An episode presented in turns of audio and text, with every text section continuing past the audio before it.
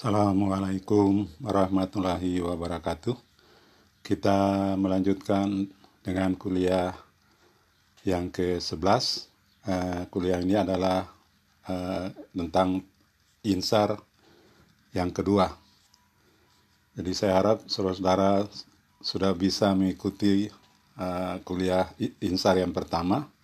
Sekarang kita melanjutkan dengan insar yang kedua sebelum kita memasuki materi kuliah, ini pada hari Senin yang lalu tanggal 13 saya sudah memuat di LMS itu tentang mendengarkan kuliah dengan opsi yang ketiga itu secara offline via HP.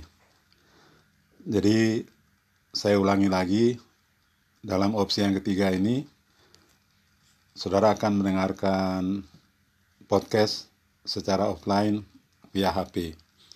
Yang pertama, saudara haruskan hidupkan uh, WiFi atau kanal data pada HP saudara. Kemudian dalam keadaan WiFi dan data hidup, saudara unduh mata kuliah PDF dari situs situs LMS IPB ke HP saudara. Ya, jadi yang unduh pertama adalah mata kuliah materi kuliah PDF ke HP saudara. Kemudian saudara selanjutnya klik Google Play dan cari aplikasi Google Podcast. Selanjutnya saudara unduh aplikasi Google Podcast tersebut ke HP saudara dan selanjutnya dibuka di HP saudara. Dalam aplikasi Google Podcast itu saudara cari seal 243 online ya. Jadi cari seal 243 online. Kemudian sesudah ditemukan uh, saudara klik uh, jalankan. Nah, kemudian uh, ada tanda tambah untuk berlangganan. Saudara klik tanda icon tambah itu untuk menyatakan bahwa saudara berlangganan dengan seal 243 online. Kemudian saudara unduh podcast yang diinginkan ya. Jadi ada misalnya sudah saudara berlangganan di sana ada beberapa materi SIL 243, kemudian saudara pilih misalnya kuliah 11 yang terakhir. Kemudian saudara klik ikon panah ke bawah ya itu diklik kemudian tunggu dia uh, berproses sampai dia berwarna hijau. Kalau dia ikon panah ke bawah itu sudah berwarna hijau, itu berarti uh, bahan, uh, podcast itu sudah bisa di uh, download sepenuhnya. Kalau sudah berwarna hijau, maka selanjutnya saudara matikan WiFi atau data pada HP. Jadi sekarang HP saudara itu offline, tidak terhubung dengan data atau WiFi. Kemudian berikutnya saudara transfer bahan kuliah PDF ke laptop, kemudian dijalankan, dibuka. Sesudah HP, eh sesudah laptop terbuka dengan bahan kuliah, kemudian sekarang saudara kembali ke Google Podcast. Kemudian dari materi kuliah yang saudara unduh tadi, saudara klik kanan, panah ke kanan itu yang terdapat di sebelah kiri. Kemudian saudara bisa mendengar secara offline via HP ya. Jadi dengan cara ini saudara tidak perlu terhubung terus-menerus ke data yang menghabiskan pulsa, tapi saudara cukup unduh sekaligus lewat podcast, kemudian matikan WiFi atau datanya, kemudian saudara putar secara offline ya. Jadi bahan kuliah ini akan selanjutnya tidak akan lagi dibagi seperti kuliah sebelumnya, ada 30 menit, 45 menit.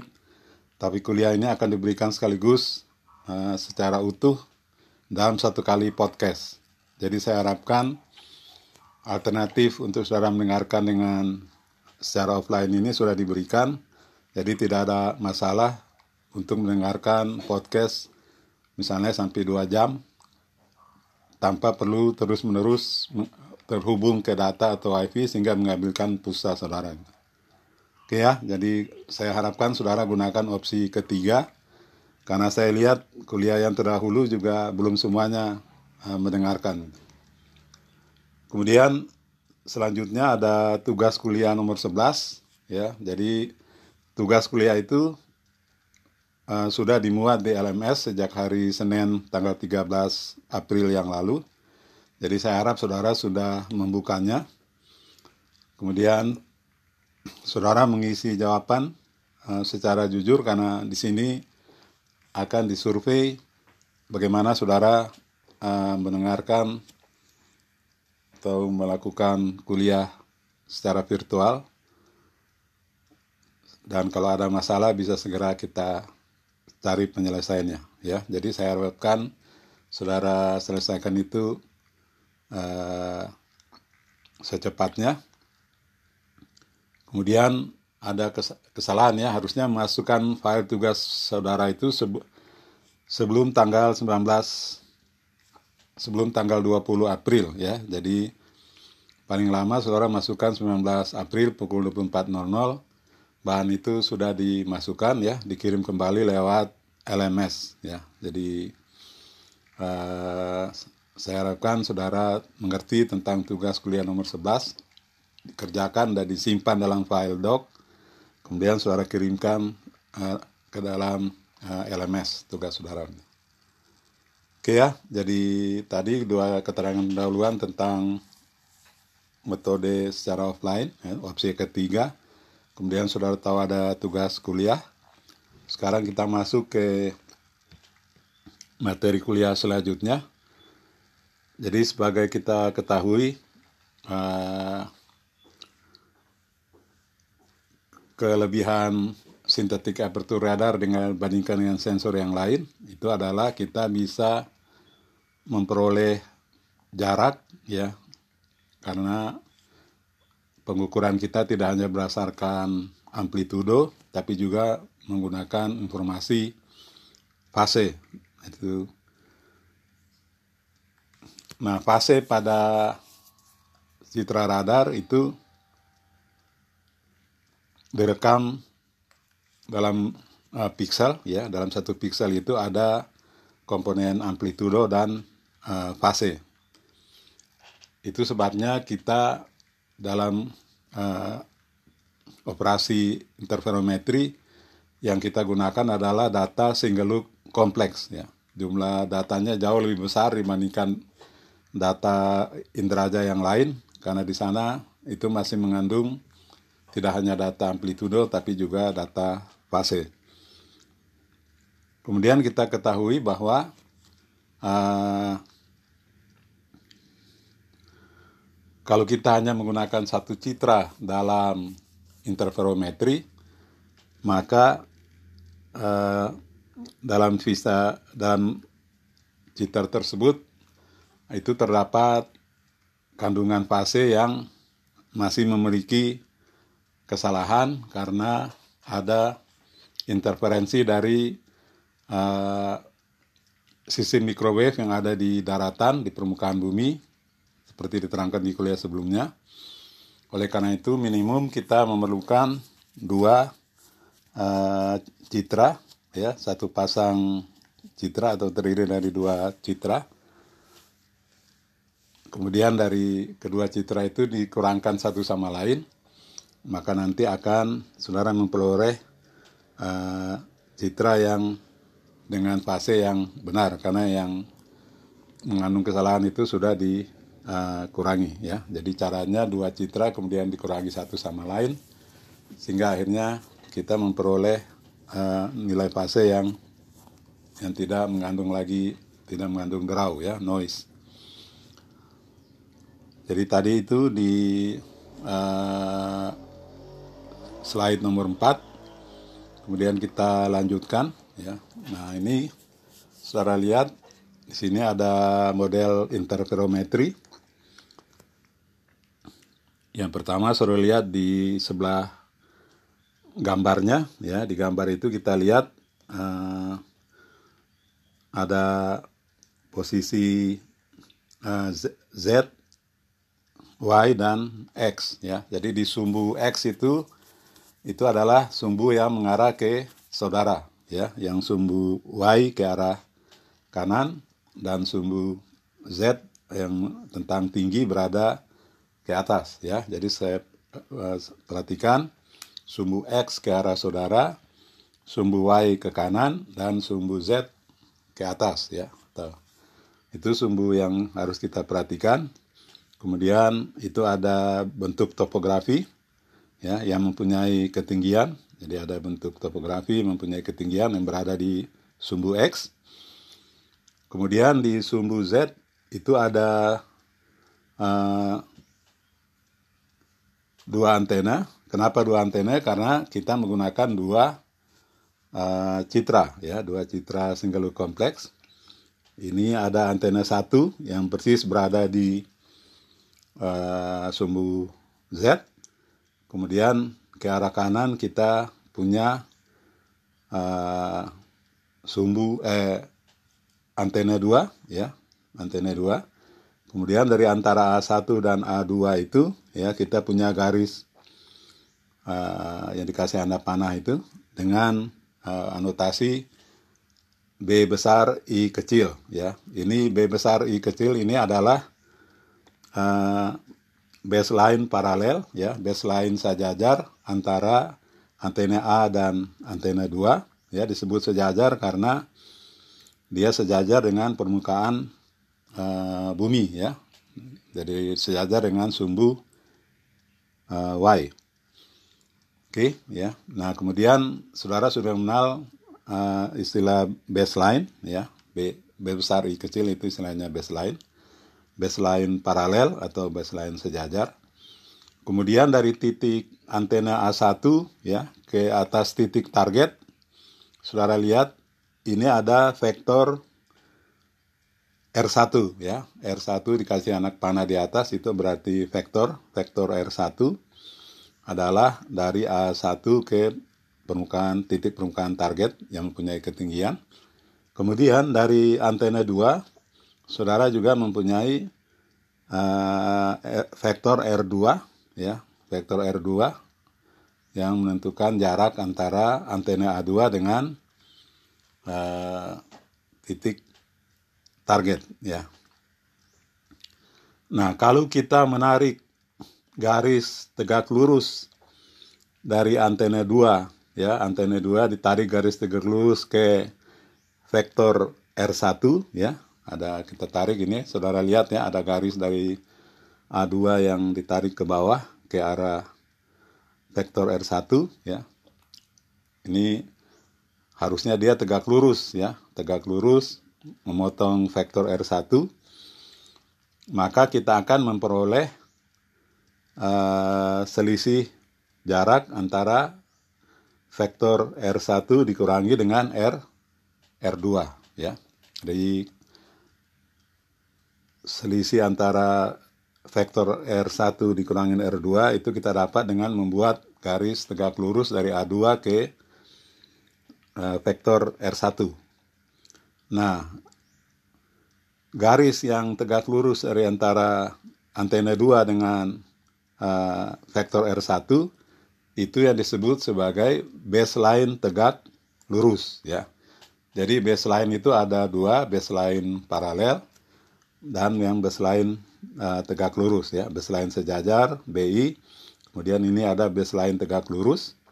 Yang saudara tahu caranya dibuat adalah dari antena kedua tegak lurus ke vektor R1 oke ya. Jadi sekarang kita tahu ini ada ketinggian uh,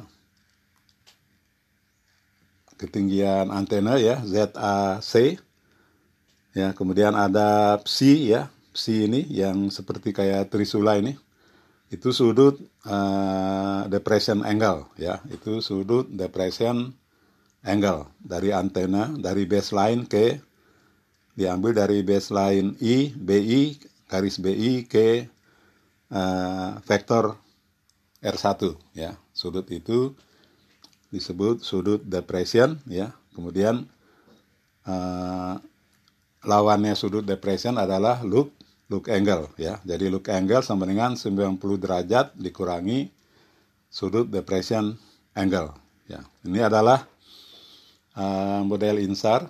Jadi sudah perhatikan ada baseline I, ada R1, R2, ada baseline tegak lurus, dan ada depression angle uh, psi. Kemudian ada tinggi antena yaitu ZA, ZAC. Ini adalah uh, keterangan tentang model insar ini. Ini harus saudara mengerti dengan benar karena dari sini saudara baru bisa akan memahami bagaimana interferometri beroperasi. Kita lanjutkan ya ke dari slide 5 tadi tentang model insar, kita masuk ke slide ke 6. Ini hanya menahankan uh, gambar tadi di slide 5 yang saudara harus perhatikan lagi ya, diterangkan secara tertulis supaya saudara memudahkan. Kemudian sekali lagi uh, pengumpulan datanya itu akuisisi data interferometri adalah disimpan dalam single loop kompleks yang diturunkan dari data yang diterima pada kedua uh, antena ya itu adalah keterangan uh, secara tertulis dari gambar tadi kemudian kita lanjutkan ke slide yang ke-7.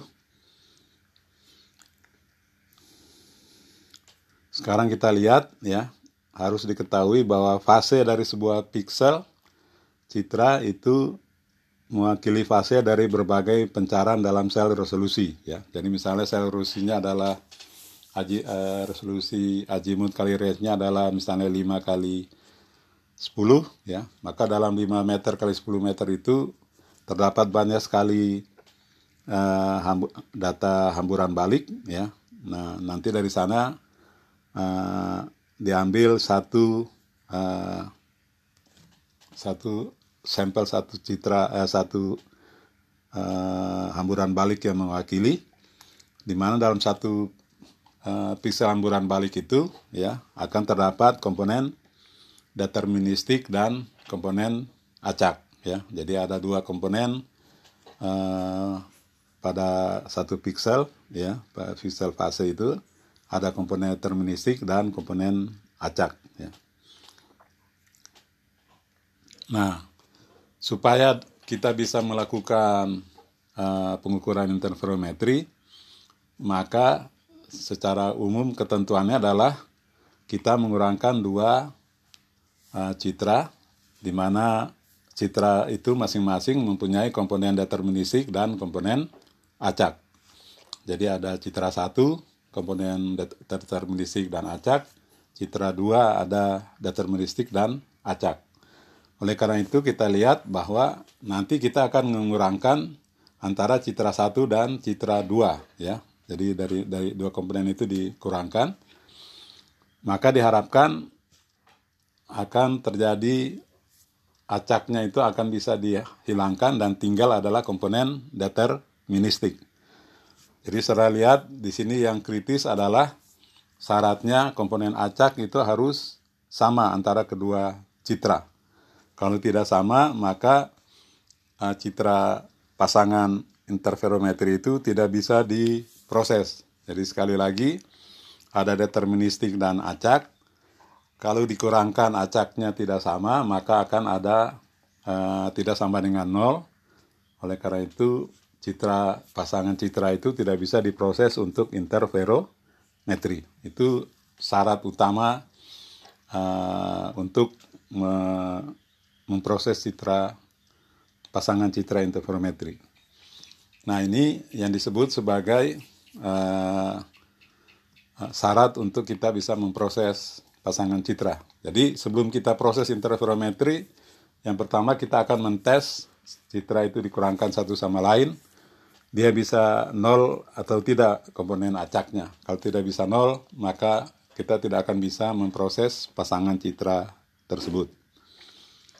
Ya itu syarat itu saudara perhatikan ya. Jadi walaupun saudara sudah memesan uh, satu pasang citra interferometri, belum tentu citra pasangan itu bisa diproses ya di software saudara karena ada syarat tadi bahwa komponen acaknya harus sama antara citra 1 dan citra 2. Kalau tidak sama komponen acaknya, maka kita tidak bisa memproses pasangan citra tersebut. Oke ya? Jadi saya anggap saudara sudah mengerti. Yang pertama perlu satu pasang citra. Masing-masing citra mempunyai komponen deterministik dan acak. Kemudian akan dikurangkan antara satu citra dan satu citra yang lain syaratnya adalah komponen acaknya sama. Jadi kalau komponen acaknya sama, maka dikurangkan tinggal uh, selisih dari komponen deterministik. Ya. Dari komponen deterministik yang dikurangkan antara dua citra itu adalah sama dengan seperti di gambar model tadi adalah R1 dikurangin R2. Ya. Sisanya itu adalah R1 sama dengan R2. Jadi itu syarat utama kalau itu tidak lulus, maka tidak bisa diproses ke proses selanjutnya untuk interferometri. Nah ini kita lanjutkan dengan uh, slide yang ke-8. Kita lihat di sini ada uh, dua rumus, satu untuk P1 dan satu untuk P P2 ya, satu uh, untuk uh, citra pertama dan satu untuk citra kedua. Nah ini kita melihat di P1 itu sama dengan A1 dikali eksponen J dalam kurung uh, theta 1 ditambah V 1. Ya. Saudara perhatikan ini adalah uh, rumus fase ya. Rumus fase di sebelumnya Ya, sudah lihat ada rumus fase di sebelumnya. Itu adalah dinyatakan secara eksponensial. Eksponensial J ya. J ini sebenarnya uh, harusnya I ya. I itu adalah bilangan imajiner. Jadi eksponen J ini eksponen bilangan imajiner dari uh, theta 1 ditambah V 1 ya. Cuma karena kita bekerja dalam dunia elektronik, maka uh, uh, kode I untuk eks, uh, eksponensial I pangkat I tadi itu diganti dengan J ya.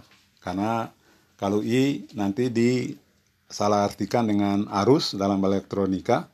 Oleh karena itu khusus untuk aplikasi kita di radar uh, istilah imajiner itu diganti dengan J ya. Saudara ingat ini rumus ek eksponensial dari fase itu adalah uh, A1 dikali eksponensial dari imajiner ya cuma dinyatakan dengan huruf J bukannya I imajiner theta 1 ditambah V1 ya jadi saudara lihat juga ini uh, kita bekerja dengan bilangan kompleks ya.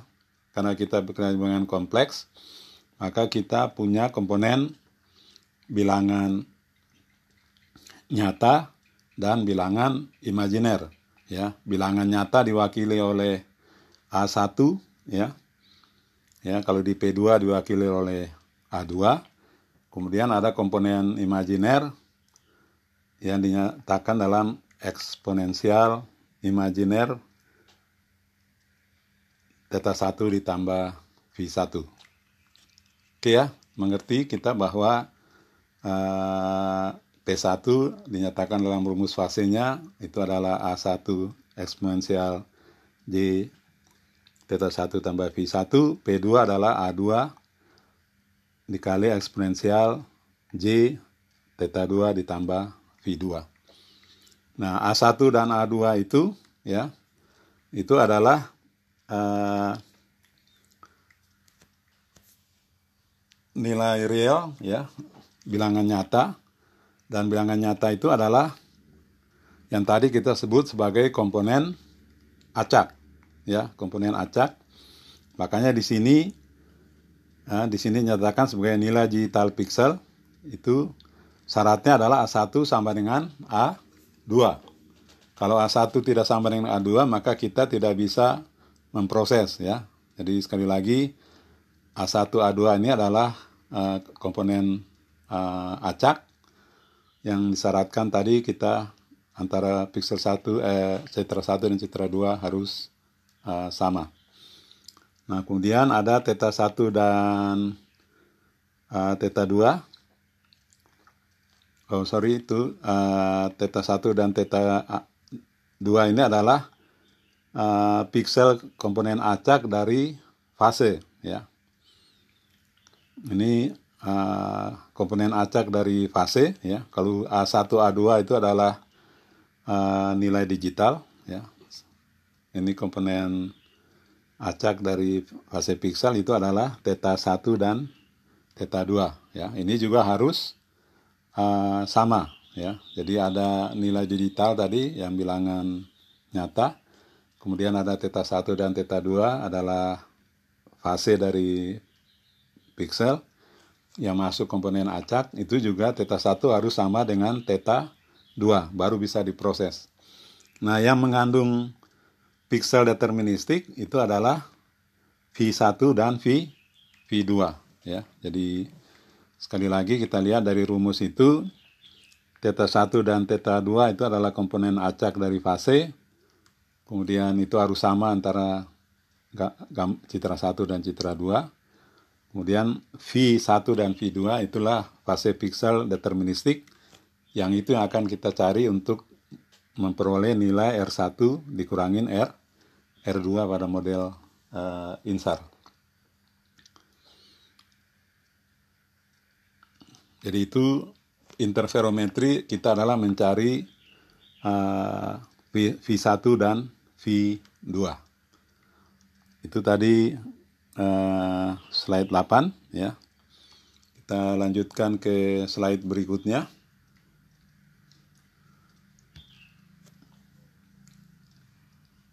Di sini ya fase itu ya kita lihat kembali ya, kita lihat ke rumus biasa bukan eksponensial. Fase dari pixel i itu sama dengan 4V dikali R besar I ya jarak dari pixel tersebut ke sensor dibagi dengan lambda ya itu adalah rumus uh, hubungan vektor jarak dengan uh, fase ya itu menyatakan dengan 4 r dibagi lambda ya ini uh, fase dinyatakan dalam bilangan nyata bukan eksponensial rumusnya seperti ini itu di kita lihat di slide 9. Kemudian kita lanjut. Nah, ini pada proses uh, kalau kita misalnya berhasil bahwa syarat uh, komponen acak itu antara kedua citra sama, ya, maka kita bisa melanjutkan ke proses selanjutnya, yaitu membentuk interferogram, ya. Itu dengan mengalihkan, ya, antara citra P1 dengan kompleks konjugat dari citra P2 ya. Kompleks konjugat itu adalah operasi pada bilangan kompleks ya. Yang penting saudara mengerti interferogram itu uh, dibentuk dari perkalian antara citra pertama dikali kompleks konjugat dari piksel kedua dengan syarat theta 1 sama dengan theta 2, A1 sama dengan A2, kemudian V1 tidak sama dengan V2 karena perbedaan kecil sudut depresi ya.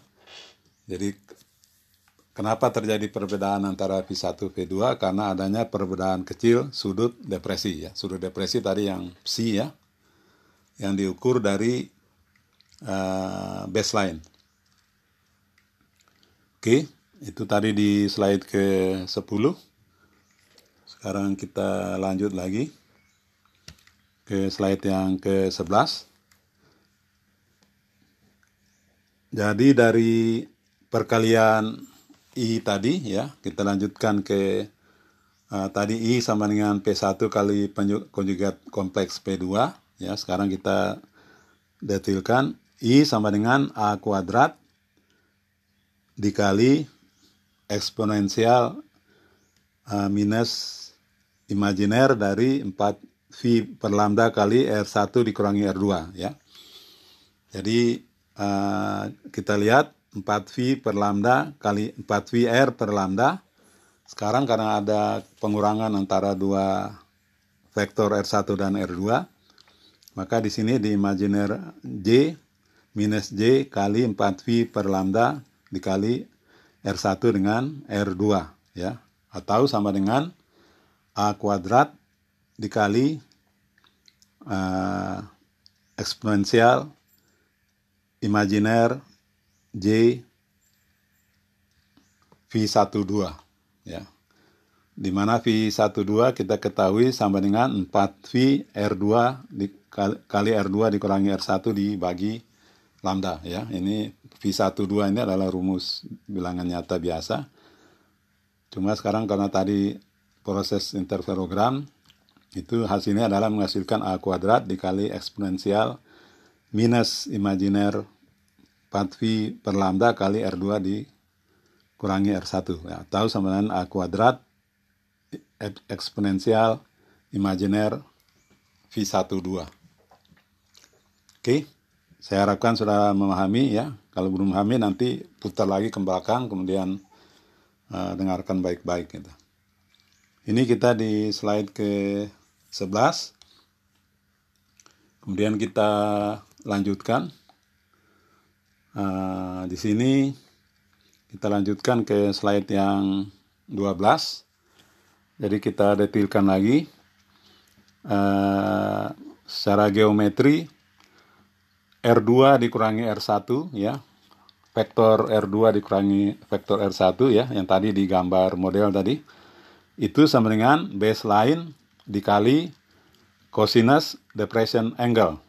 Oke, saya ingat R2 kurangi R1 bisa dihitung dengan memasukkan baseline, jarak baseline. Kalau kita ketahui jarak baseline tersebut dikalikan cosinus dari depression angle psi. Ya, sudah perhatikan rumus yang di atas di slide 12 ini. R2 dikurangi R1 sama dengan baseline dikali cos depression angle. Nah, karena kita tahu bahwa V12 itu adalah sama dengan 4V per lambda kali uh, R1 dikurangi R2, R2 dikurangi R1, maka kita bisa mengganti rumus V12 itu dengan 4V dikali BI baseline kali cos depression angle dibagi lambda ya. Jadi sampai ke rumus V12 dimasukkan baseline dikali cos depression angle, saudara bisa mengikuti ya. Jadi ini diteruskan akhirnya sekarang saudara mempunyai uh, rumus fase yang dihubungkan dengan uh, baseline dan uh, depression angle. Kita di uh, slide nomor 12. Kemudian kita lanjutkan. Uh, sekarang kita masuk ke bagaimana dari hubungan fase tadi akhirnya kita bisa menurunkan sampai ke beda ketinggian ya. Jadi terakhir kita berhenti pada uh, perbedaan fase 1 2 sama dengan 4V dikali baseline dikali cos depression angle dikali lambda ya. Kita tahu bisa mengukur uh, perbedaan fase itu pada rumus ini gitu. Tapi kan kita tidak tahu berapa tingginya di permukaan bumi. Ya. Oleh karena itu, kita lanjutkan ke uh, slide berikutnya. ya Di slide yang ini. Uh, tadi slide 12, kita masuk ke slide 13. ya Di slide 13 kita lihat ada gambar di sebelah kiri, kemudian ada empat rumus di sebelah kanan. ya Perhatikan kita lihat di sebelah kiri ya. Sekarang kita menerangkan bagaimana kita bisa menurunkan dari besarnya selisih fase sampai kita bisa menentukan ketinggian delta uh, H kecil ya. Jadi yang kita ingin tentukan ya, sudah lihat di gambar itu ada tinggi dari antena ke sumbu E, eh, sumbu Y itu adalah ZAC ya. Tapi karena saudara mempunyai objek dengan ketinggian delta H kecil, maka kita bisa mengukur tinggi antena tersebut ke atas tinggi target itu sama dengan delta eh, ZAC dikurangi delta H ya. Itu delta H kita bisa karena objek uh, target kita mempunyai ketinggian delta H. Nah, kemudian saudara lihat ya, biasa ada A1, ada A2, ada baseline ya. Kemudian ada uh, depression angle dan depression angle dikurangi delta depression angle ya. Perhatikan ya. Pertama adalah depression angle ke uh, uh, R1 ya, R1 untuk di bagian permukaan uh, ada R1 yang ke atas permukaan di sumbu Y, kemudian ada R1 uh, di atas uh, tinggi target ya di atas titik delta H. Ya perhatikan vektor R1 di atas permukaan uh, sumbu Y, kemudian yang satu R1 di atas permukaan titik delta H. Nah ini kita punya uh, nilai depression angle yang pertama yang di atas permukaan uh, sumbu Y, kemudian yang satu lagi kita punya depression angle uh, kepada ketinggian target delta H. Nah, kita mempunyai selisih delta depression angle ya. Jadi karena ada beda ketinggian, maka kita bisa menghasilkan delta depression angle. Ya, kemudian di sana kita lihat ada depression angle, kemudian ada depression angle dikurangi delta depression angle ya. C dikurangi delta C. Nah, ini kita untuk menurunkan uh, uh, dari fase ke delta H ya ketinggian delta H kecil ya kita tahu ini ada segitiga yang pertama adalah uh, garis ZAC ya. Kemudian ke sampai ke perpotongan di sumbu Y yang pertama ya. Kemudian kita dapat uh, garis vektor dari A1 ke uh, sumbu Y ya. Bukan ke titik target delta H tapi yang ke sumbu Y. Maka kita bisa menentukan bahwa uh, jarak antara A1 sampai ke perpotongan dengan uh, sumbu Y itu sama dengan ZAC dibagi sinus uh, depression angle ya. Sudah lihat ada ZAC dibagi sinus depression angle. Itu adalah jarak vektor antara antena satu dengan uh, perpotongan di atas sumbu Y ya. Perhatikan ya di sini pada perpotongan di atas sumbu Y ini saudara juga bisa menentukan sudutnya sama dengan depression angle ya. Karena sumbu Y sejajar dengan sumbu baseline ya. Maka kita punya depression angle dari ditarik dari A2 ke vektor tadi yang ke permukaan sumbu Y. Kemudian sama dengan uh, dengan depression angle yang kita lihat di bawahnya karena itu berada antara dua garis yang sejajar. Di sini kita melakukan operasi diferensial ya. Jadi delta delta V ya, ini diferensial ya. Saudara perhatikan ini delta V uh, diferensial, diferensial dari delta V itu sama dengan minus 4V dikali baseline dibagi lambda dikali uh, sinus depression angle uh, delta psi ya. Jadi ini rumus diferensial yang pertama itu diturunkan uh, dari rumus tadi ya. Maka kita dapat diferensial seperti ini. Maka sekarang kita bisa menentukan delta besaran dari delta depression angle ya. Kita perbesar delta depression angle itu sama dengan minus lambda dibagi 4V baseline kali sinus depression angle delta V12 ya. Jadi tadi uh, delta V-nya ada di kiri, sekarang delta V ada di kanan. Yang kita cari adalah delta depression angle secara diferensial. Nah, nanti dari sana ya, saudara akhirnya bisa uh, memasukkan uh, Z AC uh, dikurangi delta AH ya. Jadi sekarang kita lihat di garis yang kanan delta ZAC dikurangi delta H itu sama dengan ZAC sinus uh, depression angle dikurangi delta depression angle dibagi sinus depression angle ya. Itu adalah rumus untuk memperoleh nilai ZAC dikurangi delta H Nah, dari sana, dari rumus tiga rumus ini, saudara bisa melihat kita bisa menurunkan bahwa nilai delta H itu sama dengan ZAC, ya tinggi dari antena, dikali kotangan dari uh, depression angle, delta depression angle. Ini rumusnya delta H kita sudah temukan ya. Ini adalah hubungan antara ketinggian dengan uh, depression angle.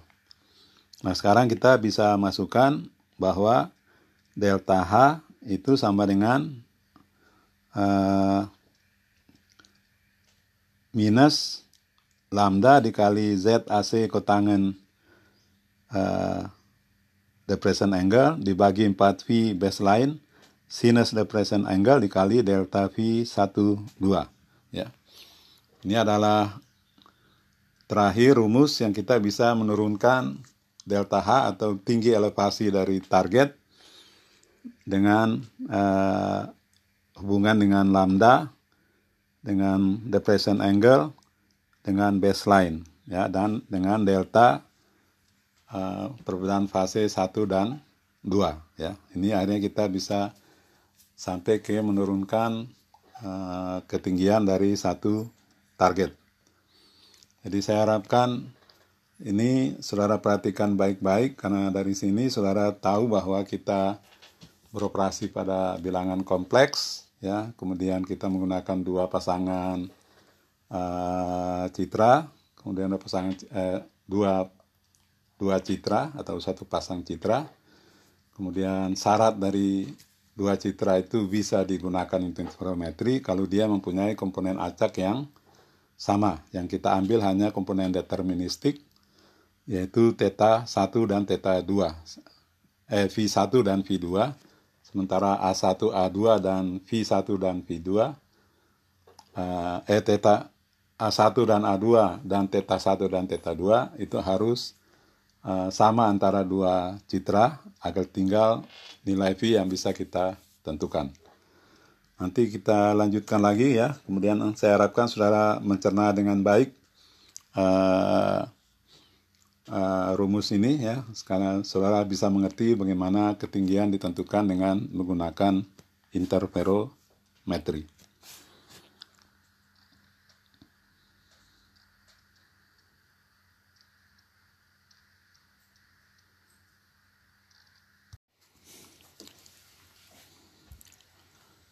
kita lanjutkan lagi kuliahnya. Tadi kita terakhir di slide nomor 13 di mana saudara uh, menyelesaikan perhitungan dari fase ke ke sampai ke ketinggian. Sekali lagi yang slide 13 adalah saudara menyelesaikan perhitungan dari fase ke nilai H kecil ya atau delta H kecil. Nah sekarang kita masuk ke slide ke-14 ya, di mana uh, kita menerangkan bagaimana moda akuisisi uh, interferometri ya. Sudah tahu tadi dari kuliah sebelumnya bahwa kita uh, untuk interferometri minimum menggunakan satu pasang citra yang terdiri dari dua rekaman ya single loop kompleks. Nah, sekarang kita melihat bagaimana merekam dua citra itu untuk memperoleh uh, rekaman citra untuk keperluan interferometri. Yang pertama, metodenya adalah yang disebut repeat pass. Dan ini adalah metode pertama untuk akuisisi data interferometri, disebut repeat pass.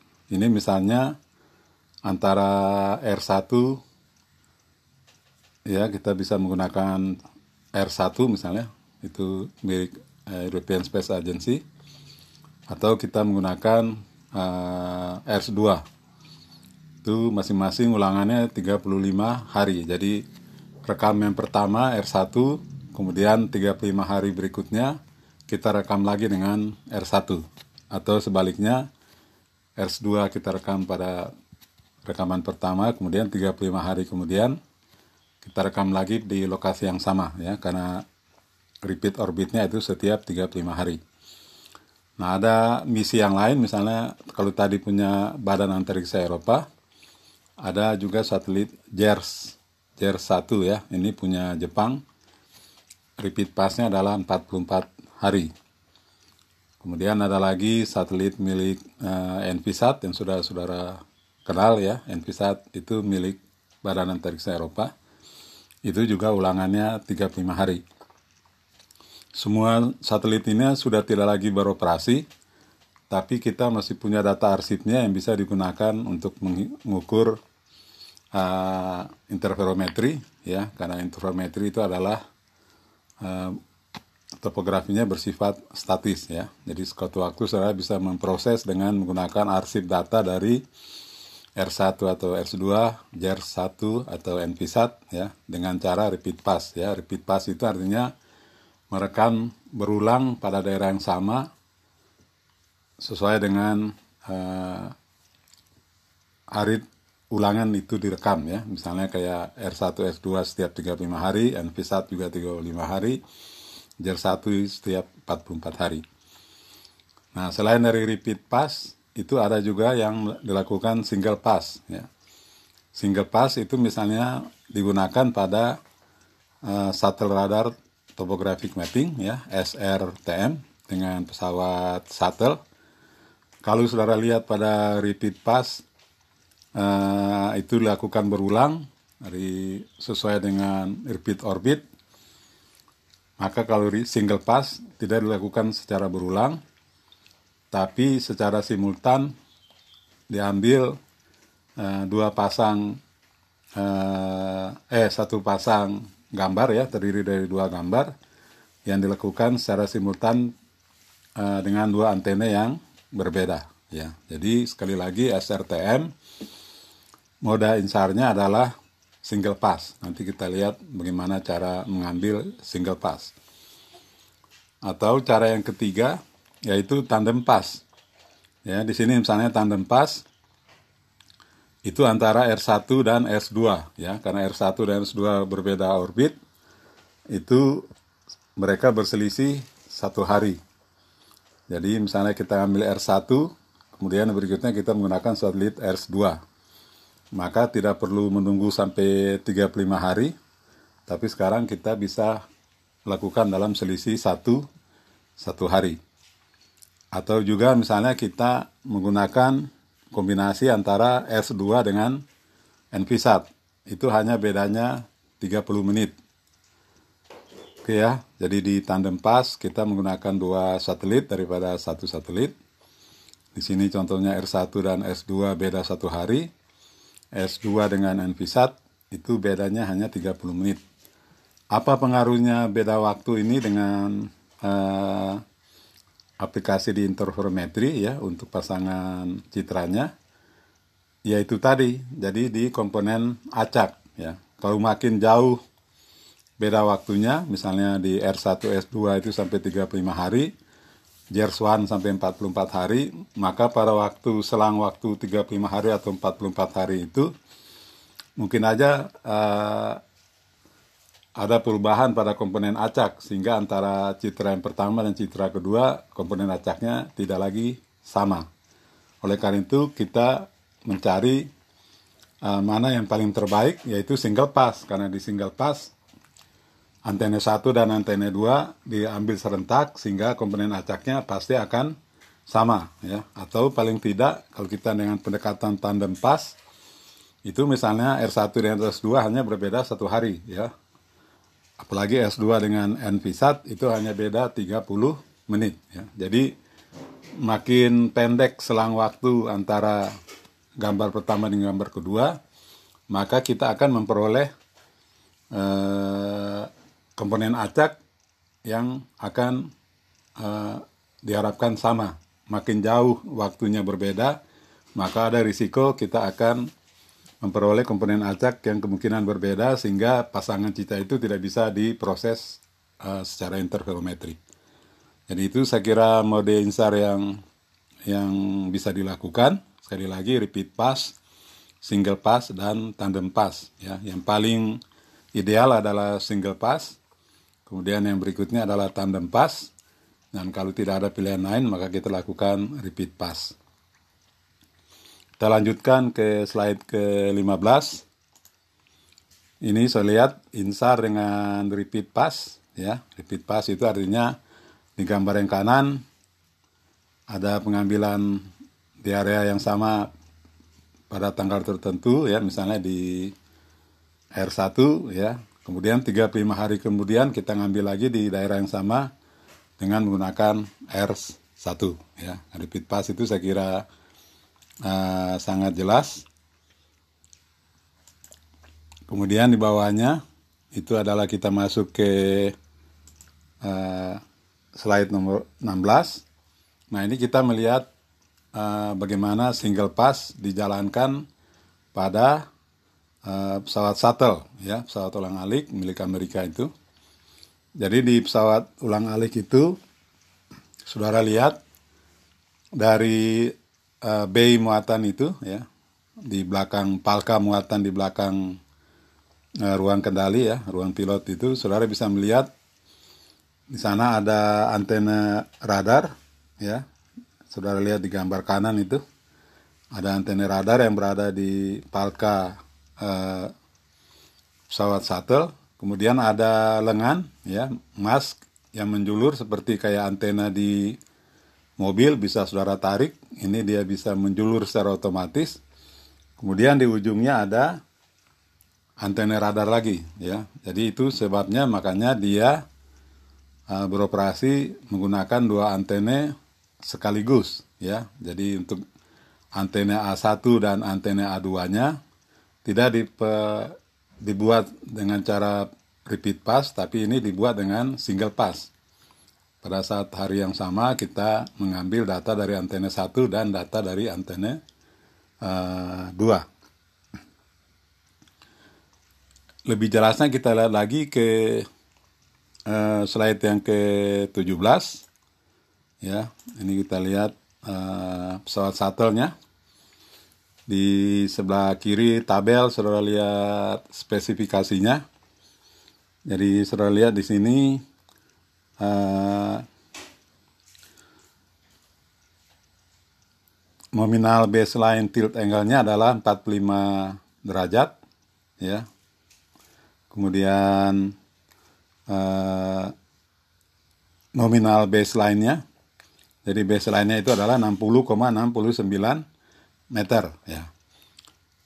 Yang baseline itu saudara lihat di gambar shuttle ini yang ada gambar shuttle-nya itu baseline itu dinyatakan dalam uh, garis merah ya. Jadi garis merah itu saudara melihat di sini ada antena uh, dalam ya dan ada antena uh, luar ya. Jadi saudara lihat ada sumbu uh, in, inboard coordinate system ya ICS inboard coordinate system sumbu I-nya ke kanan I negatifnya ke ke kiri ya ke arah antena outboard kemudian sumbu X-nya ke belakang kemudian uh, sumbu Z-nya ada di uh, ke arah bawah. Oke ya, jadi saudara lihat sekarang ada antena inboard coordinate system dan ada coordinate system untuk out outboard coordinate system OCS dan ICS. Saudara lihat di sana ya nah, bagaimana posisi antena kemudian masing-masing mempunyai koordinat sistem yang uh, berbeda.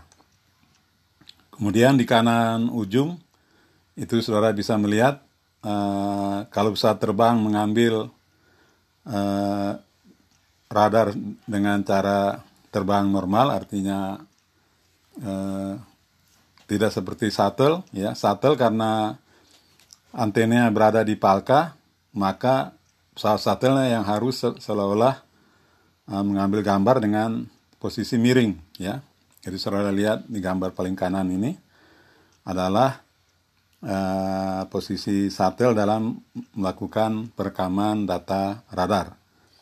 Nah ini dia punya tadi saya sebut nominal baseline tilt angle ya sudut miring uh, nominal baseline-nya itu adalah uh, 45 uh, derajat ya 45 derajat itu adalah uh, nominal tiltnya uh, kemiringannya dalam 45 derajat itu untuk di uh, inboard coordinate system ya. Ini ada sumbu y inboard coordinate system itu sudutnya 45 derajat ya. Tapi kalau dihubungkan ke uh, nilai minus y dari outboard coordinate system maka sudutnya melebihi 45 derajat ya. Oke. Okay? Jadi incline uh, posisi kemiringan di inboard coordinate system bisa 45 derajat persis, tapi di outboard coordinate system posisinya uh, melebihi 45 derajat ya. Karena kita tahu strukturnya itu adalah ada lengan ya yang menjulur.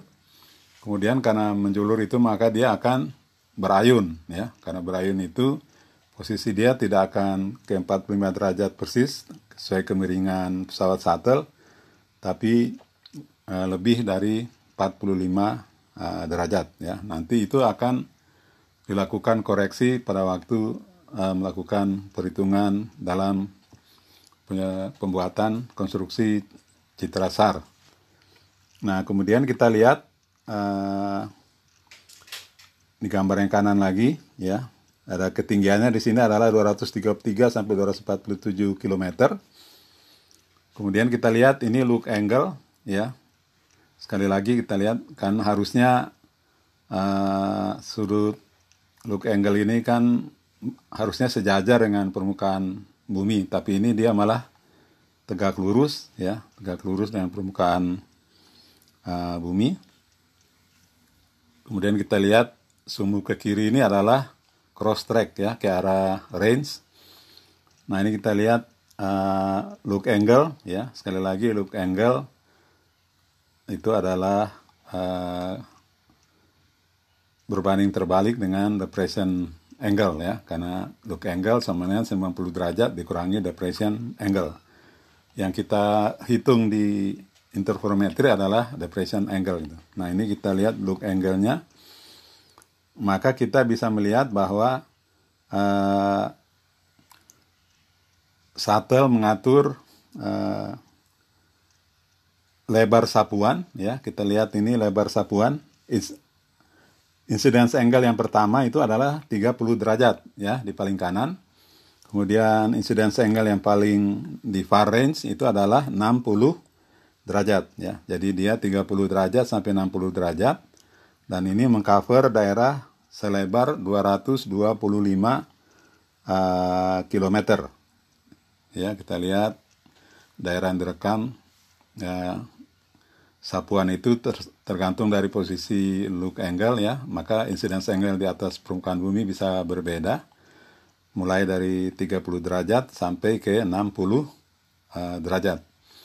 Nah, ini uh, lebar sapuan itu tidak direkam sekaligus ya, tapi saudara bisa lihat di sini sesuai dengan nilai PRF ada PRF 1344 maka yang direkam hanya selebar 80 km ya di di eh, gambar di sebelah bawah. Ada grafik yang ketiga di bawah. Itu ada lingkaran-lingkaran ya. Di atasnya ada PRF 1344 itu lebar rekaman adalah 80 km kemudian merekam dari 30 derajat sampai ke 43 derajat ya. Kemudian dari 43 derajat sampai ke sekitar 50 derajat itu dengan lebar sapuan 58 km itu PRF-nya adalah 1550 ya. Jadi sudah lihat berbeda uh, sudut SWOT-nya maka yang digunakan PRF yang berbeda. Nah, ini kita lihat lagi uh, pada sudut 50 sampai 56 derajat itu menggunakan PRF 1344 kemudian lebar sapuan itu 62 km ya karena makin miring uh, uh, lebar sapuan adalah 62 km. Kemudian yang paling ujung sekali ya kita lihat dari 56 sampai ke 60 itu lebar sapuannya adalah 50 uh, km. Jadi ini kalau ditotalkan kira-kira 225 km. Jadi saudara sekarang mengerti uh, sudut look angle itu diatur dengan mengatur uh, uh, tilt angle ya, sudut baseline tilt angle dari pesawat shuttle ya. Jadi nominalnya adalah 45 derajat. Nah, kemudian dia bisa mengatur dari antara 45 derajat itu uh, sesuai sudut yang diinginkan untuk menghasilkan uh, lebar sapuan yang berbeda-beda incidence angle-nya. Jadi saudara bisa melihat ya uh, operasi satel radar topographic mapping ini rumit ya, tapi saudara bisa lihat uh, jenis-jenis uh, sapuan yang bisa dilakukan. Dari sini kita bisa melihat kenapa akhirnya uh, sesudah pesawat turtle ini kita bisa melihat NVSAT itu sampai mempunyai pada strip map sampai 7 jenis uh, sapuan ya dari sapuan 1 sampai sapuan 7 ya ini karena mengambil pengalaman dari operasinya uh, pesawat shuttle di tahun 80-an. Jadi dari sini saudara bisa perhatikan ya, perhatikan juga uh, di tabel kiri ya ada spesifikasinya saudara lihat uh, untuk memahami. Kita lanjut ya dengan slide uh, berikutnya itu di slide uh, eh, 18 ya. Ini hanya menerangkan bagaimana proses single pass tadi dilakukan. Ya, yang pertama di gambar kiri ya kedua antena itu mengirimkan sinyal, kemudian masing-masing merekam uh, uh, kembali ya. Ini namanya posisi bistatik ya, bistatik karena masing-masing antena mengirim pulsa kemudian merekam sendiri-sendiri. Yang outboard juga mengirim uh, pulsa ya merah kemudian menerima pulsa sendiri. Nah, ada yang pendekatan yang berikutnya di gambar bawah ya, sifatnya monostatik di mana yang mengeluarkan pulsa yang transmit pulsa warna hijau itu hanya antena yang berada di palka pesawat shuttle. Kemudian pada waktu ada pantulan dari kamburan balik dari target, itu didengar oleh antena yang ada di palka dan juga didengar oleh antena yang berada di posisi outboard. Perhatikan ya, antara gambar satu yang di atas dengan gambar yang di bawah. Yang di atas yang mengirim pulsa hanya satu yang berada di palka, tapi yang mendengarkan hamburan balik itu ada dua, antena di palka maupun antena yang ada di uh, outboard. Jadi yang kedua ini itu namanya bistatik ya. Jadi satu yang mengirimkan sinyal didengar oleh uh, dua antena yang berbeda. Disebut operasinya bistatik. Sedangkan yang bagian kiri atas ini itu adalah yang sifatnya monostatik. Jadi sekali lagi dilakukan single pass, tapi operasinya ada yang monostatik dan ada yang bistatik ya. Jadi dengan pesawat Tuttle ini banyak sekali ya dilakukan eksperimen tentang uh, cara-cara akuisisi uh, data radar ya sehingga menjadi apa namanya uh, bahan untuk mengembangkan sistem radar yang berikutnya.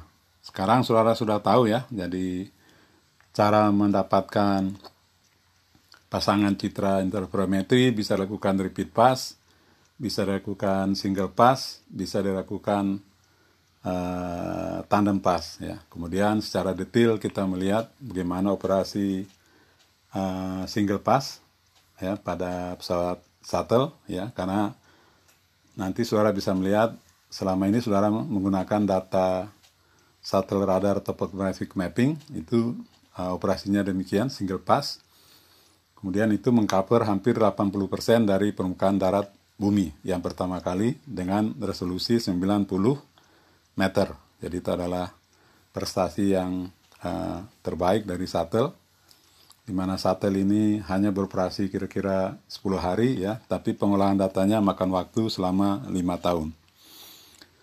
Nah, kita lanjut ya, sesudah kita mengerti bagaimana proses uh, apa namanya uh, akuisisi ya moda moda operasi insar. Sekarang kita masuk bagaimana tahapan insar itu kita olah ya. Sekarang kita menganggap kita sudah punya pasangan uh, citra interferometri. Nah sekarang gimana kita mengolah pasangan cinta intromesi tersebut ya. Yang pertama kan saudara buka uh, gambar radar ya. Jadi sekarang kita masuk tadi di slide nomor 19 ya, kita melihat tahapan insar itu adalah yang pertama registrasi citra ya karena ada dua citra harus diregistrasi satu sama lain. Kemudian yang kedua dilakukan proses koherensi dan interferogram ya.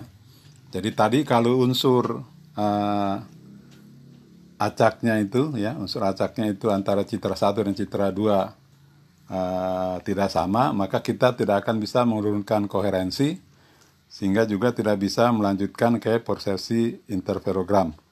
Sekali lagi syaratnya komponen acak dari citra 1 dan citra 2 harus sama, baru kita bisa melanjutkan ke uh, proses nomor 2 ini. ya. Jadi tetap yang pertama kita registrasi dulu, baru sesudah registrasi kita bisa mentes apakah komponen acak antara citra 1 dan citra 2 itu sama atau tidak dan kalau itu sama maka uh, kita bisa lanjutkan ke interferogram ya. Kalau gagal kita memproses itu karena komponen acaknya uh, berubah ya menjadi tidak sama lagi maka itu disebut sebagai uh, temporal decorrelation ya kalau ada orang menerangkan temporal decorrelation itu adalah dekorelalisasi akibat dari perbedaan waktu. Itu istilahnya temporal decorrelation. Nah, kemudian pada tahap ketiga kita melakukan perataan fase. Kemudian tahap keempat kita mereduksi derau fase dan kemudian baru kita lanjutkan dengan pembukaan fase. Ya, ini uh, menjelaskan uh, secara umum. Ya, nanti saudara melakukannya itu di praktikum dengan menggunakan snap fasenya mungkin agak sedikit berbeda tapi intinya di lima langkah ini ya jadi tahapan ini umumnya berlaku untuk dalam uh, melakukan analisis uh, insar. Nah sekarang kita lihat yang pertama kali kan kita harus punya citranya ya. Dan citranya itu kita buka di slide yang nomor 20 oke ya. Jadi saudara punya data citranya single look kompleks ya. Ini citra single look kompleks. Maka di dalamnya itu saudara akan punya uh, di metadatanya ya saudara bisa melihat ada intensity ya ini citra yang kiri adalah intensity dan yang kanan adalah uh, fase oke ya jadi saudara lihat di snap kalau saudara buka file single look kompleks yang ukurannya besar itu maka saudara ada memperoleh intensity yang bisa saudara plot seperti ini. Sementara fase yang saudara lihat adalah gambarnya seperti ini. Nah, fase ini ya sekali lagi kalau yang ini adalah intensity sifatnya amplitudo, di fase ini saudara menyimpan dalam bilangan kompleks ya. Jadi bilangan kompleks uh, makanya disebut sebagai side looking eh, single look kompleks ya karena kompleksnya itu adalah uh, bilangan kompleks. Jadi fase ini menyimpan datanya dalam bilangan kompleks ya. Maka di waktu saudara buka citra ya, saudara akan memperoleh bilangan kompleks itu dalam misalnya kalau dia polarisasinya sekali lagi karena karena kita untuk interferometrik kita menggunakan polarisasi tunggal. Bisa polarisasinya horizontal horizontal bisa polarisasinya vertikal vertikal ya. Tapi tidak vertikal horizontal atau horizontal vertikal. Jadi kita gunakan polarisasi tunggal polarisasinya kopolarisasi HH atau VV nah ini kita lihat bahwa di uh, snap saudara itu kalau saudara buka single look kompleks ya misalnya kalau saudara menggunakan citra horizontal horizontal ada uh, komponen namanya IHH dan QHH oke ya perhatikan ya. IHH dan QHH IHH itu disebut adalah in phase oke I adalah in phase kemudian kuadra Q adalah kuadratur jadi ada dua komponen, in phase dan quadrature. In phase ini adalah uh, komponen dari bilangan nyata, sedangkan kuadratur itu adalah komponen dari bilangan imajiner. Ya, jadi bilangan kompleks itu terdiri dari bilangan nyata, ada pasangan bilangan nyata dengan bilangan imajiner. Ya, dengan dua uh, komponen bilangan nyata dan bilangan imajiner ini kita bisa membentuk uh, bilangan kompleks. Jadi sekali lagi, saudara kalau mau belajar apa itu bilangan kompleks ya, buka aja di handbook matematik supaya saudara bisa mengerti apa sih yang sebenarnya bilangan kompleks ya, uh, yang digunakan secara masif untuk merekam uh, data fase pada citra single look uh, kompleks ya. Sekali lagi ada komponen uh, IHH dan QHH I-nya itu adalah in phase, bilangan nyata. Q-nya itu adalah quadrature, itu adalah bilangan imajiner. Jadi sekali lagi ada dua uh, komponen di dalam citra single look kompleks. Yang satu intensity dan yang satu fase. Ya. Yang fase kita tidak bisa melihat dengan mata manusia yang bisa melakukan prosesnya adalah uh, dengan menggunakan mesin ya, menggunakan komputer. Nah, itu adalah saudara sudah mengenal dengan baik apa itu uh, citra single look kompleks ya. Yang penting saudara tahu ada komponen in phase dan uh, komponen quadrature. Nah, kita lanjut ya di kuliah sebelumnya. Jadi uh, kita lihat bahwa setiap pixel ya ini uh, pada gambar ini kita lihat misalnya pada satelit dengan X band ya lambdanya 3,1 cm. Objek ada tingginya H kecil ya. Kemudian dia mengirim satu pulsa dan kembali dengan uh, satu pulsa ya, hamburan balik ya. Jaraknya R. Kemudian ini ini adalah saya kira look angle ya. Look angle-nya sama dengan uh, theta. Nah, ini kita lihat ya di dalam sensornya radar itu ada disebut uh, gelombang rujukan ya reference wave yang paling atas reference wave itu paling atas ini adalah satu pulsa gambarnya seperti ini ya kemudian ada titik di atasnya titik hitam itu. Kemudian setiap uh, sinyal yang dikirim ya itu berjalan. Kemudian dia akan menghambur kembali ya dan terekam ya. Ini artinya uh, gelombang pantulan itu berada di sebelah bawah dari gelombang rujukan. Kalau ya gelombang rujukannya ini teratur ya karena ini dibuat di sensor ini yang kembali dari target bentuknya sudah tidak sama dengan uh, bilangan uh, gelombang rujukan ya. Kemudian satu dia tidak sama.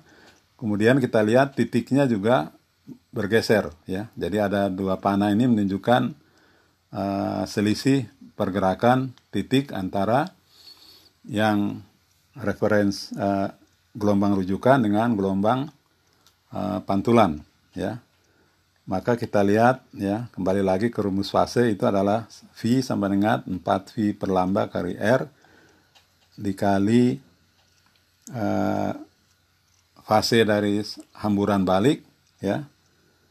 Sekali lagi fase dari hamburan balik ya. Kemudian dikurangi N ya bilangan acak itu N kali 2V ya. N-nya ini kan tidak bisa ditentukan karena itu adalah bilangan acak, ya. Maka fase ini kita bisa uh, tentukan ya, dan kita lihat bahwa uh, fase itu bersifat siklus, ya. Ini di bawah kita lihat ada gambar uh, apa roda warna. Misalnya kita mulai dari nol, ya, kemudian turun ke bawah itu eh, turun berputar berarah eh, berbeda ke arah berlawanan jarum jam. Dari nol kemudian ke setengah V itu di atas ya setengah V V per 2 kemudian dari setengah V ke V kemudian ke satu setengah V kemudian ke dua V ya. Kemudian nol lagi kemudian ke setengah V lagi satu V dan satu setengah V. Jadi perhatikan setiap di 2 V kita nolkan lagi, uh, kembali dia menghitung ke setengah V dan seterusnya. Ya, jadi uh, di nolkan di posisi 2 V. Itu uh, yang biasa dilakukan di sistem radar.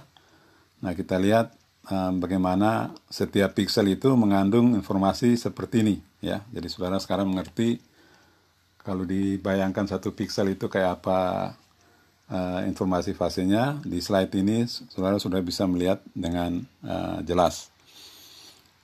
Nah sekarang kita lanjut ya. Jadi tadi kita mengerti pixel, uh, kemudian mengerti isinya single loop kompleks itu ada citra apa saja. Nah sekarang kan kita masuk ke tahapan uh, insar yang pertama adalah melakukan co-regis registrasi ya. Jadi koregistrasi ini dilakukan di dalam bilangan kompleks ya dan saudara lihat ini rumusnya cukup rumit ya tapi tidak perlu uh, terlalu dipusingkan karena ini sudah dimasukkan dalam operasi komputer sehingga saudara tinggal melakukan koregistrasi dengan bantuan uh, software Snap. Kita lanjut ke slide 23.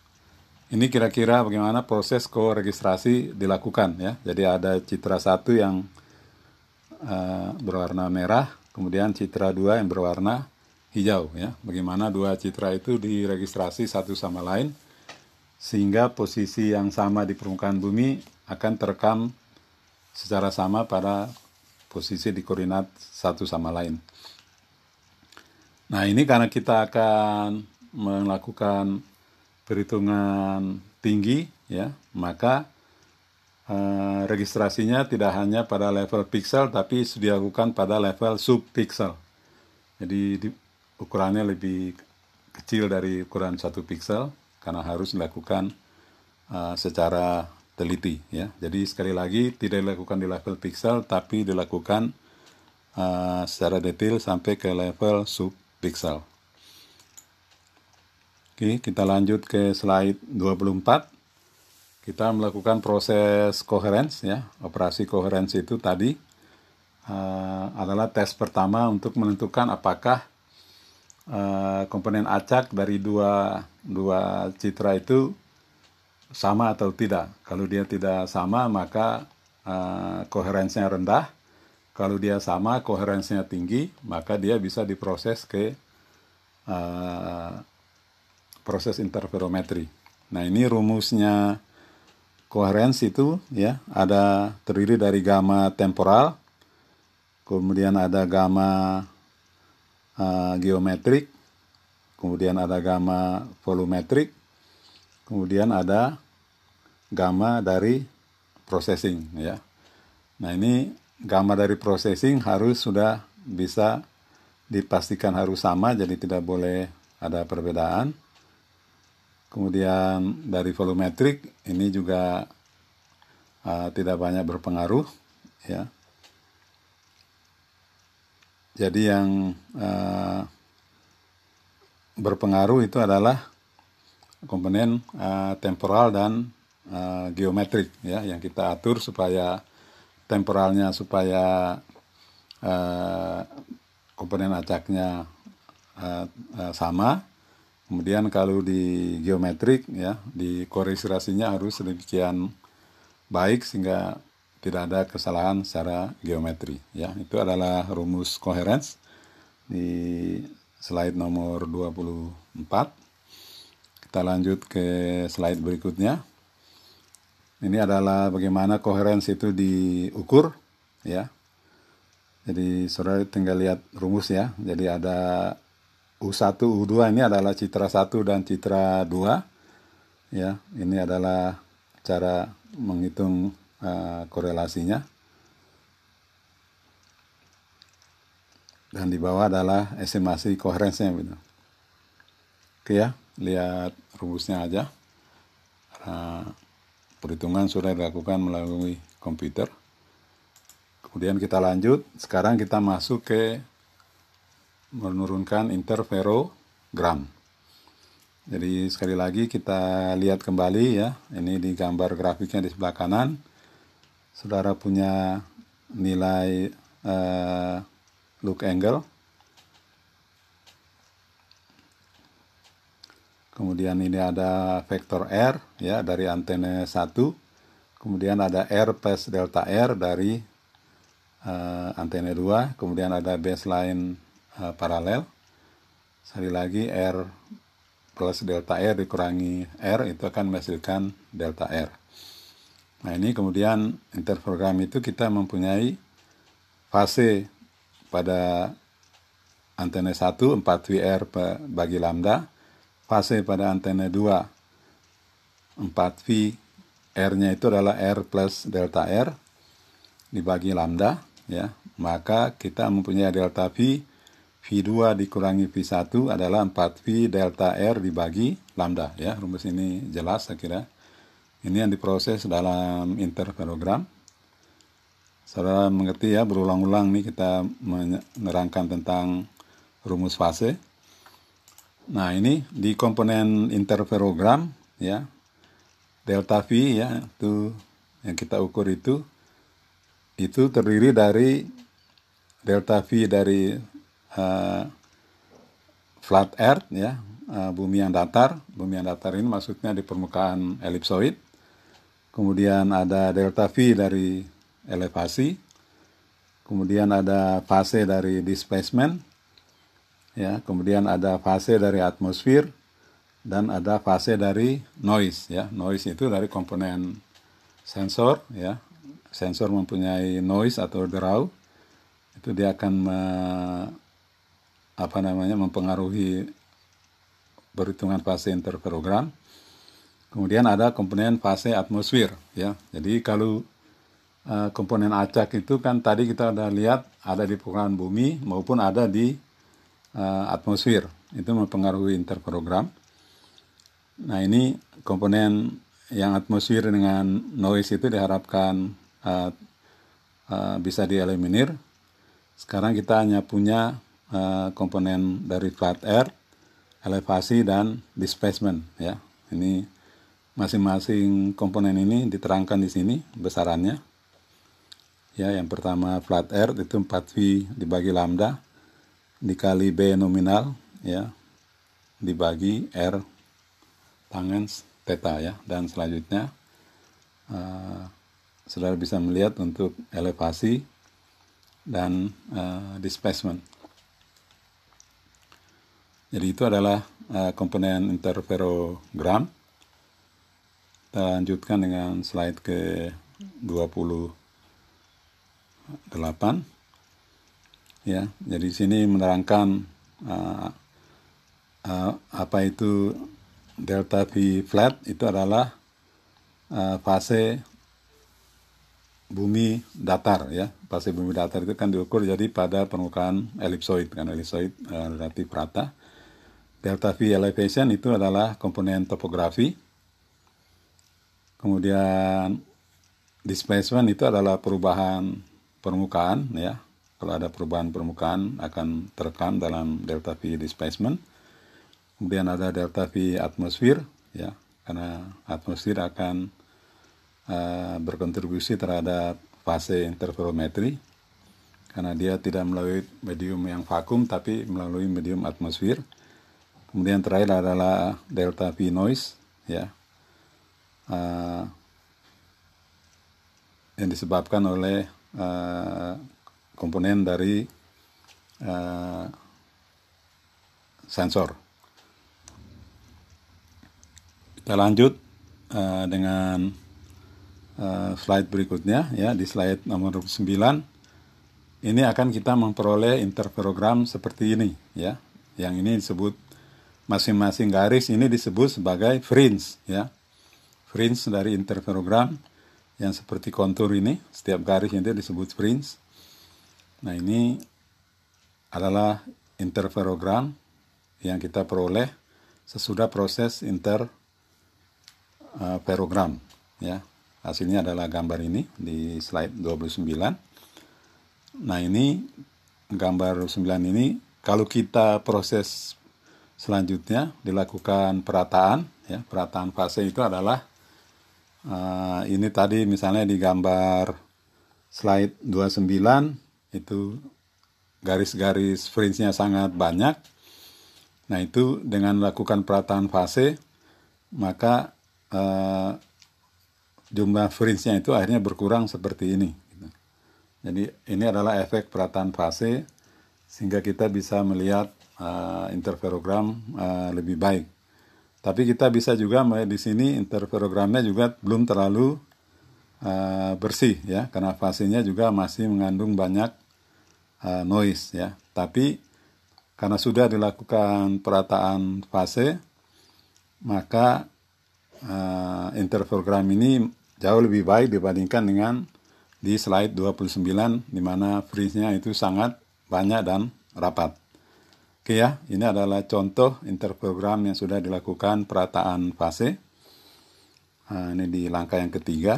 Kemudian kita lanjut ya ke uh, slide yang berikutnya.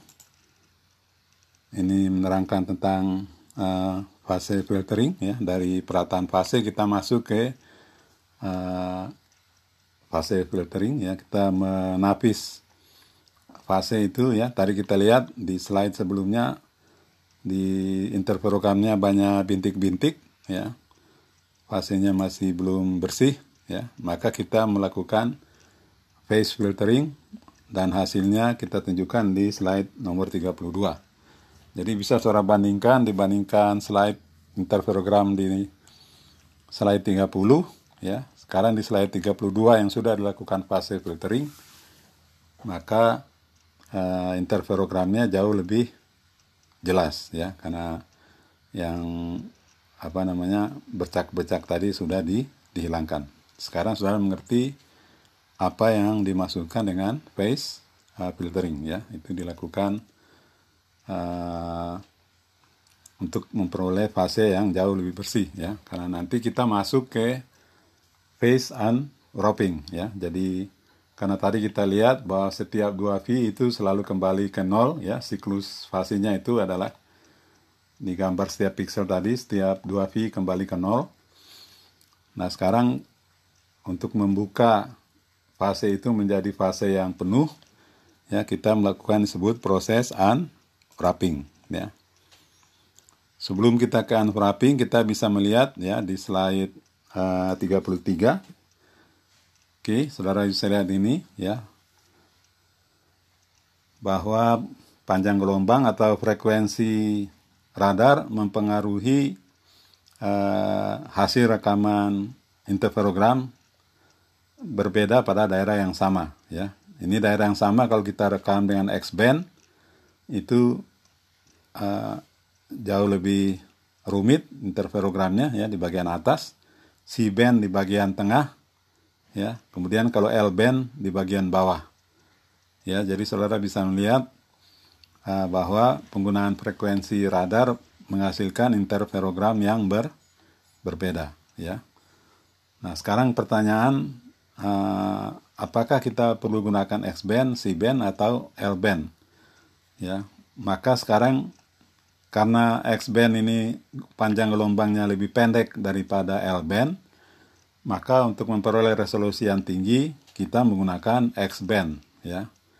Walaupun kita tahu L band bisa menembus kanopi ya sehingga ini gambarnya lebih mendekati permukaan bumi.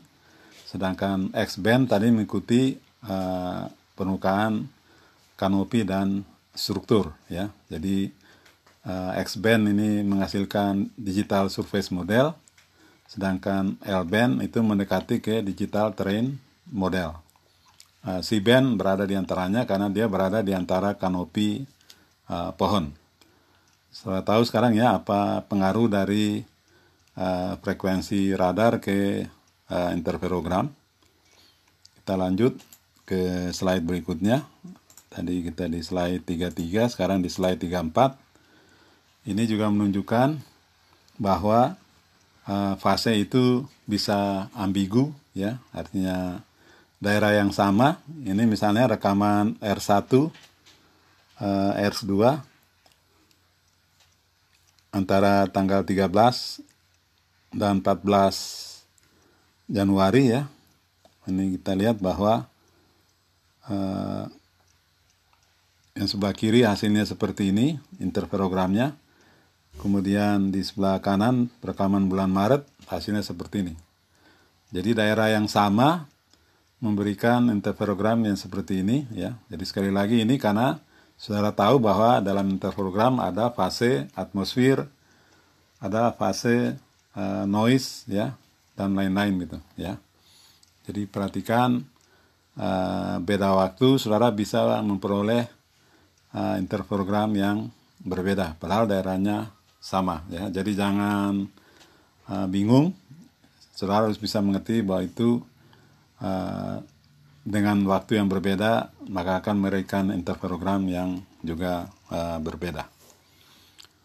Oke, kita lanjut ke slide yang berikutnya yaitu fase fase unwrapping.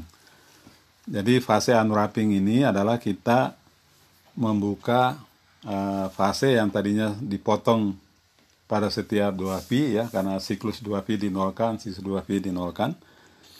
Ini supaya saudara bisa mengerti uh, bagaimana forest unwrapping. Kita lihat ada gambar uh, gelombang di sini ya.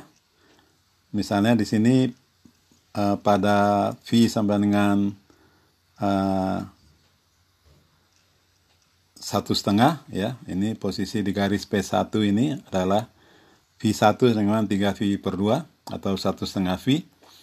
Kemudian dia berjalan ya 2 V, 3 V, 4 V, 5 V sampai ke V yang kedua dia berada di 11 V dibagi 2 ya. P2 ini fasenya V2 sama dengan 11 V dibagi 2 ya. Itu semuanya kan dia artinya 11 V dibagi 2 adalah 5 setengah V ya. Cuma dalam fase kita nyatakan dengan 11 V dibagi 2, yang satu di P1 adalah 3V dibagi 2. Saudara bisa ikuti ya. P1 fasenya 2, 3V per 2 atau 1 setengah V. P2 fasenya adalah 5 setengah V atau 11V dibagi 2. Nah sekarang kalau saya mengurangi antara fase 2 dengan fase 1, maka hasilnya adalah 11V per 2 dikurangi 3V per 2, maka sama dengan 8V per 2 atau 4 V ya. Tapi saudara tidak akan uh, bisa merekam fase 4V ya karena pada setiap 2V itu uh, interferogramnya dipotong ke 0 ya. Jadi ini misalnya V2 dikurangi V1 itu adalah modulasi 2V dikali 11V per 2 dikurangi modulasi 2V dikali 3V per 2 maka hasilnya adalah 3V per 2 dikurangi 3V per 2 sama dengan uh, 0 ya itu uh, operasi dari perekaman fase di sistem radar selalu K2V dinolkan sehingga misalnya tadi P1, P2 itu sebenarnya total fasenya adalah 4V tapi di rekaman kita akan uh, dijadikan ke pas pada sebelum sampai ke 4V di 2V udah dinolkan. Kita lihat bagaimana uh, proses unwrapping itu. Kita lihat di slide berikutnya, slide nomor 36. Nah ini ya, jadi sudah lihat gambar yang bawah ini ada yang berwarna merah, ya. Itu ada uh, garis 2V, ya. Ini garis 2V, ya. Nah ini ini di sebelah merah itu ada garis biru, ya. Itu adalah fungsi fase secara total, secara kontinu jadi ini menunjukkan bahwa misalnya tadi kita mempunyai fase yang berbeda, waktu mencapai 2V dia dinolkan ke bawah ya.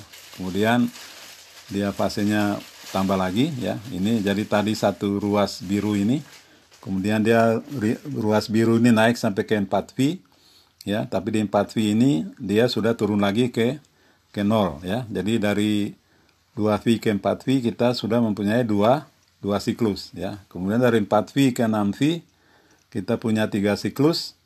Kemudian dari 4V ke eh, 6V ke 8V kita punya satu siklus.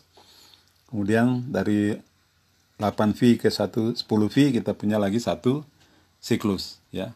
Nah, ini potongan-potongan 2V ini waktu di unwrap jadi dibuka bungkusnya itu nanti potongan yang grafik merah ini akan dikembalikan ke potongan mengikuti garis fase yang biru ya. Ini yang biru ini adalah uh, garis fase yang sebenarnya ya. Sementara rekaman di radar dalam bentuk uh, yang merah tadi ya yang bisa diterangkan tadi karena selalu setiap dua V dipotong menjadi nol.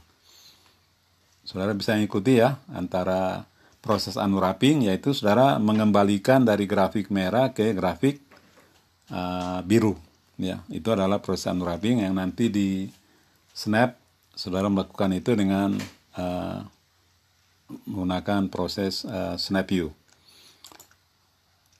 Kita lanjutkan ya. Nah ini contoh uh, bagaimana uh, proses pembukaan uh, unwrapping ya. Ini kita lihat yang pertama pembukaan 10%, 20, 30, 40, 50, 60 dan seterusnya. Kita lanjutkan ya sampai ke uh, dibuka 100% ya. Jadi di slide 38 Saudara bisa melihat uh, bagaimana fase itu dibuka secara penuh sampai ke unwrappingnya sampai ke 100%.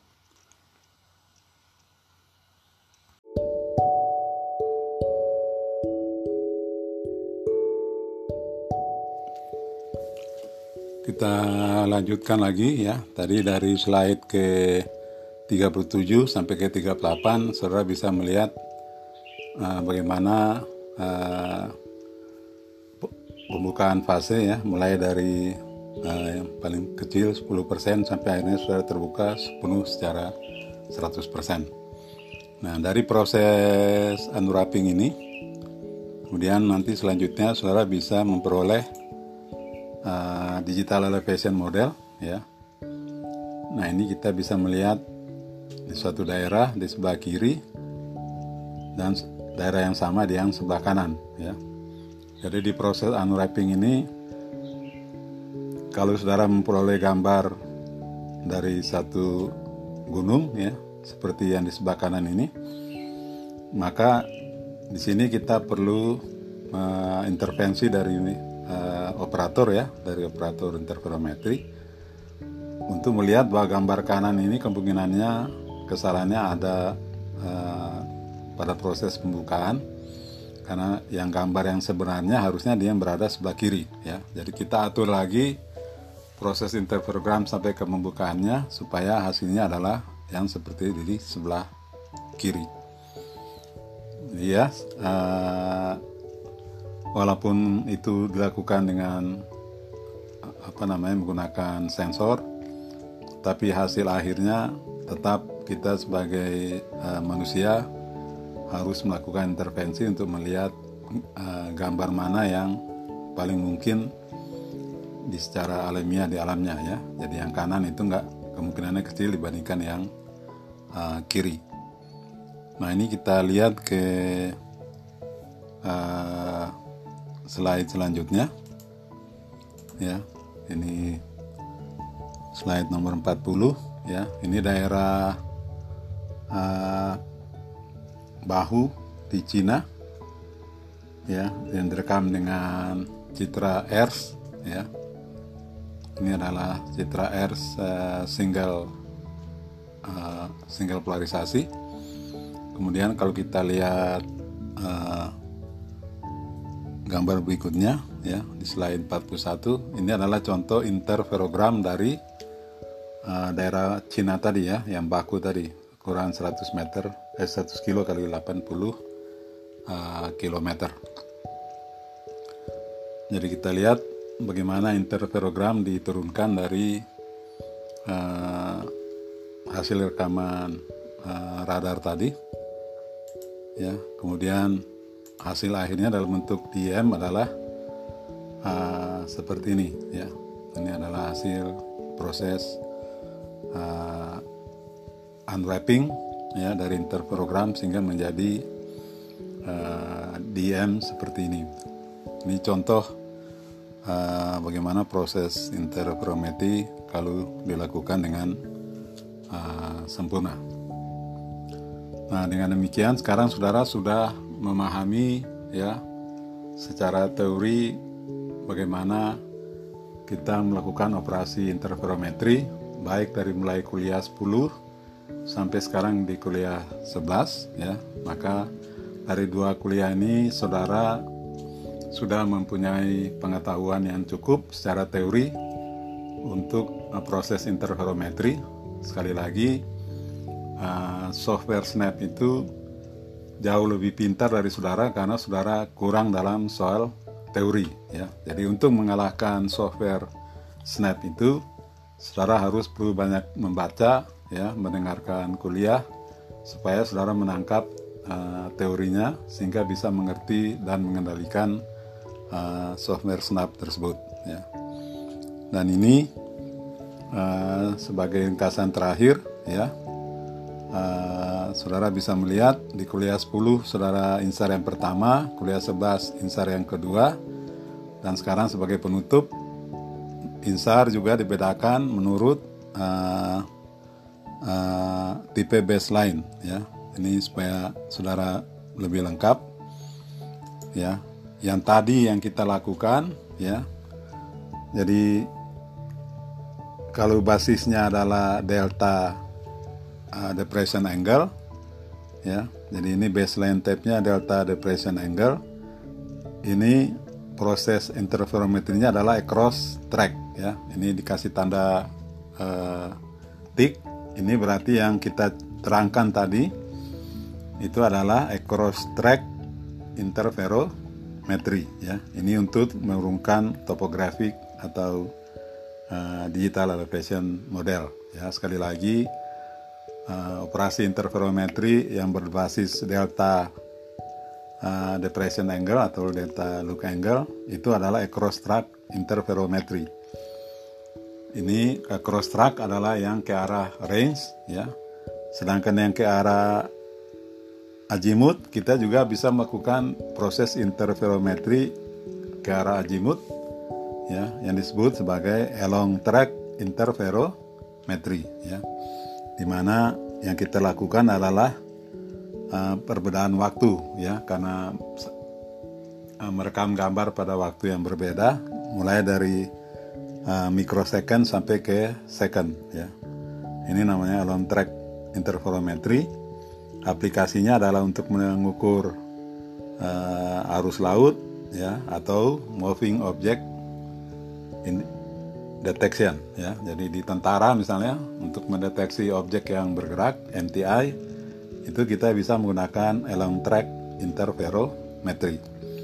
Nah, kemudian ada yang ini diferensial berbeda hari ya, diferensial interferometri, saudara tahu uh, dinsar ya, bisa berlakukan dalam hari, bisa dilakukan dari hari sampai tahun, kemudian dari uh, milisecond sampai uh, tahun ya. Ini macam-macam uh, jenis interferometri yang didekati dengan pendekatan uh, baseline. Jadi sampai di sini ya saudara uh, sudah mengetahui secara lengkap uh, proses interferometri ya dan dengan demikian saya menutup kuliah yang ke-11 sampai di sini. Assalamualaikum warahmatullahi wabarakatuh.